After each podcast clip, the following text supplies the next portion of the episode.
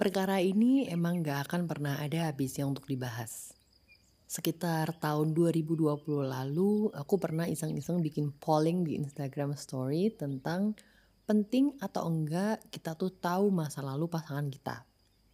Hasil pollingnya sih selisih tipis doang ya. Lebih banyak yang merasa perlu banget untuk tahu masa lalu pasangan. Tentu dengan alasannya masing-masing. Aku waktu itu belum sempet follow up jawabanku sendiri di Instagram story. Karena rencananya emang pengen share langsung di monolog. So, here it goes. Kalau dulu ada yang tanya ke aku pas masih muda, seberapa penting masa lalu pasangan untuk aku, pasti akan aku jawab sangat penting. Aku perlu tahu semua cerita masa lalunya termasuk mantan-mantannya. Alasannya sih simple. In order for me to trust you, you have to be really honest about your past. No secrets allowed. Dan supaya aku lega aja gitu kalau udah tahu semuanya. Jadi kita bisa mulai dari nol kayak di SPBU Pertamina. Seiring dengan bertambahnya umur, udah mulai agak tua dikit, alasannya berubah. I wanna know about your past not to judge you, but to understand how you need to be loved. Lovey-dovey banget lah pokoknya, dan menurutku alasan ini udah yang paling mateng paling wise dan dewasa banget lah udah mentok. Well, I think I have everything figured out. Tapi setelah dipraktekin, kok di aku ternyata nggak sesuai sama teorinya. Yang pertama, teorinya kan gini. Kalau tahu semua tentang masa lalunya, kan aku jadi lega. Ini malah enggak. Yang ada aku justru ngerasa kayak dihantui sama masa lalunya gitu. Setiap apa yang aku lakukan, setiap kesalahan yang aku buat itu otomatis pikiranku akan kembali ke semua kejadian di masa lalunya. In the end of the day, I feel like I'm trying so hard to be someone else. To be someone from that person's past. Yang kedua, teorinya kan gini. Kalau tahu semua tentang masa lalunya kan aku bakal bisa lebih mudah mengerti tentang dia. Tentang cara berinteraksi dengan dia, iya kan? Ini malah enggak Hal yang sama terjadi. Aku tetap aja nggak bisa mengerti orang ini bahkan setelah tahu semua cerita masa lalunya. Yang ada malah aku lagi-lagi memposisikan diriku di tempat orang-orang yang pernah ada di masa lalunya. Trying to figure out what they were thinking back then. Their mistakes and what can I learn from it. Again, I end up being someone I'm not and I'm losing myself during the process. Setelah berkali-kali gagal dengan teori yang sama, aku mulai mikir, udah cukup deh kayaknya bersikeras melakukan hal yang sama dan mengharapkan hasil yang berbeda. Tapi saat itu aku masih belum mau membuang teori bahwa masa lalu pasangan itu nggak penting. Aku pikir mungkin cuma angleku aja yang salah, tapi intinya udah bener.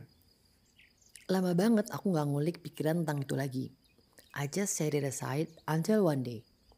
Di saat aku mulai pelan-pelan untuk berubah, mulai baca, belajar, dan dengerin kajian, sampailah di satu kajian Ustadz Khalid Basalamah Hafizahullah tentang memilih pasangan hidup. Beliau cerita bahwa dulu ketika memutuskan untuk menikah dengan wanita yang sekarang menjadi istrinya pun, beliau sama sekali nggak peduli sama masa lalunya. Bahkan nggak ada sama sekali keinginan untuk bertanya. Menurut beliau, masa lalu pasangannya nggak penting karena yang beliau lihat adalah apa yang ada di hadapannya sekarang dan selama dia mau untuk berusaha bersama-sama masuk surga, itu udah lebih dari cukup. Buat apa katanya pengen tahu semua? Bakalan cuma nyakitin diri sendiri aja. Dari situ aku mulai ngulik lagi teori masa lalu pasangan ini. Cuma kali ini aku pindah tim. Aku berusaha ngulik teori ini dari tim nggak peduli masa lalu pasangan. Walaupun awalnya masih nggak bisa benar-benar terima ya, tapi aku paksakan diriku untuk bisa menganalisa dari sudut pandang yang berbeda kali ini. Beberapa alasan klasik tentang kenapa kita perlu tahu tentang masa lalu pasangan kita yang pernah aku dengar langsung adalah satu. Biar nggak kaget kalau nanti ada orang dari masa lalu yang ngaku-ngaku dan mau merusak rumah tangga. Jadi kita bisa kompak ngadepinnya bareng. Oke, Sesiap apa pun kita, sebanyak apa pun bekal tentang masa lalu pasangan yang kita tahu, waktu kena ujian tuh pasti akan bikin kita kaget. Nah, kalau semuanya dikembalikan ke Allah, kagetnya ya cuma sebentar. Masalah kompak ngadepin ujian bareng ya emang itu udah jadi kewajiban suami istri kan. Buat aku saat menikah nanti nggak ada lagi main salah-salahan. Because it's not about me versus my husband. But me and my husband versus the problem. Dua. Kalau dia mau jujur sama masa lalunya, lebih mudah buat aku untuk bisa percaya sama dia. Karena nggak ada lagi yang kita tutup-tutupin. Oke, dari mana kita tahu kalau dia udah nyeritain semua mua tentang masa lalunya? Yakin 100% gak ada yang disembunyiin. Masa lalu yang cuma Allah dan dia aja yang tahu? Jadi jujur tentang masa lalu tuh buat aku sama sekali gak ada hubungannya dengan kepercayaan. Buat aku ketika aku menjatuhkan pilihan, itu berarti aku juga sudah memutuskan bahwa dia adalah laki-laki yang aku bisa untuk percaya. Bukan yang bisa dipercayai ya, beda. Yang bisa untuk aku percaya itu maksudnya yang hatiku ini mau dan ikhlas untuk percaya apa pun yang dia lakukan dan dia katakan. Bahkan di saat imanku lemah dan mulai menaruh curiga. Karena kita berdua sama-sama tahu bahwa kita akan selalu bisa menyembunyikan sesuatu dari satu sama lain. Tapi kita nggak akan pernah bisa menyembunyikan sesuatu dari Allah yang maha melihat dan maha mendengar. Kalau Allah nggak membuka ya berarti belum waktunya kita tahu. Udah, itu aja. Tiga. Bisa jadi antisipasi untuk tidak mengulang kesalahan di masa lalu. Penjelasan ini aku kutip dari situs IDN Times ya. Mengetahui masa lalu pasanganmu akan membuatmu belajar supaya jangan sampai kesalahan yang pernah dia alami dulu nantinya akan terulang lagi. Misalnya, dia pernah mengalami trauma karena diselingkuhi oleh mantan pacarnya berkali-kali. Dari sini, kamu punya tanggung jawab untuk tidak memperlakukan dia seperti itu. Tunjukkan ke dia kalau kamu berbeda dari mantannya. Bersamamu, dia bisa mendapatkan cinta yang tulus khusus buat alasan ini butuh satu monolog sendiri menurutku. Dan insya Allah minggu depan bakal aku bahas. Dan ada sekitar tujuh alasan klasik lain yang aku coba jadikan contoh kasus. Setelah aku bisa ngasih argumentasi ke diriku sendiri tentang kenapa aku nggak perlu tahu tentang masa lalu calon suamiku, Alhamdulillah aku menemukan jawaban yang aku cari selama ini. Salah satu sumber masalah dalam hubungan yang aku jalani adalah saling pengen tahu masa lalu masing-masing. Rasa keingintahuan inilah yang akhirnya jadi bibit-bibit konflik yang semakin lama semakin membesar. Bahkan bisa dibilang sumber dari segala masalah yang ada.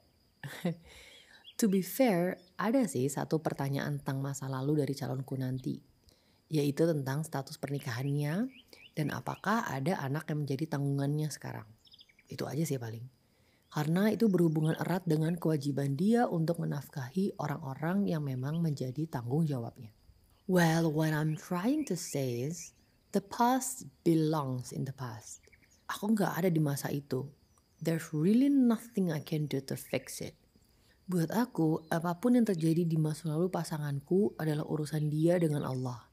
And it what makes my future husband who he is today. Semua kekhilafan dan jalan hidup yang dia lewati membawa dia ke kehidupanku saat ini dan buatku itu udah lebih dari cukup insya Allah. Semakin aku belajar, semakin aku paham bahwasanya Islam itu sangat adil dan memudahkan hidup kita sebenarnya. Rasulullah Shallallahu Alaihi Wasallam bersabda, wanita itu dinikahi karena empat hal, karena hartanya, nasabnya atau garis keturunannya, kecantikannya, dan agamanya. Namun dari empat itu paling utama yang harus jadi perhatian adalah agamanya. Maka perhatikanlah agamanya, kamu akan selamat. Hadis riwayat Al-Bukhari nomor 5090. Sama sekali nggak disebutkan tentang masa lalu kan?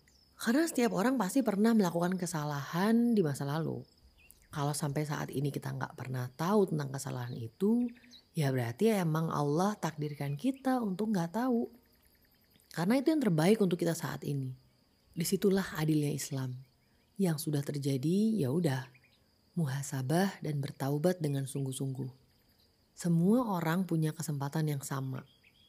Karena hidup kita ditentukan dari apa yang kita lakukan saat ini sampai akhir nyawa nanti. Nah, Rasulullah Shallallahu Alaihi Wasallam udah kasih cara-cara terbaik dalam menilai dan memilih calon suami atau istri. Terus siapa sih kita sampai-sampai ngerasa punya cara yang lebih baik dalam memilih pasangan?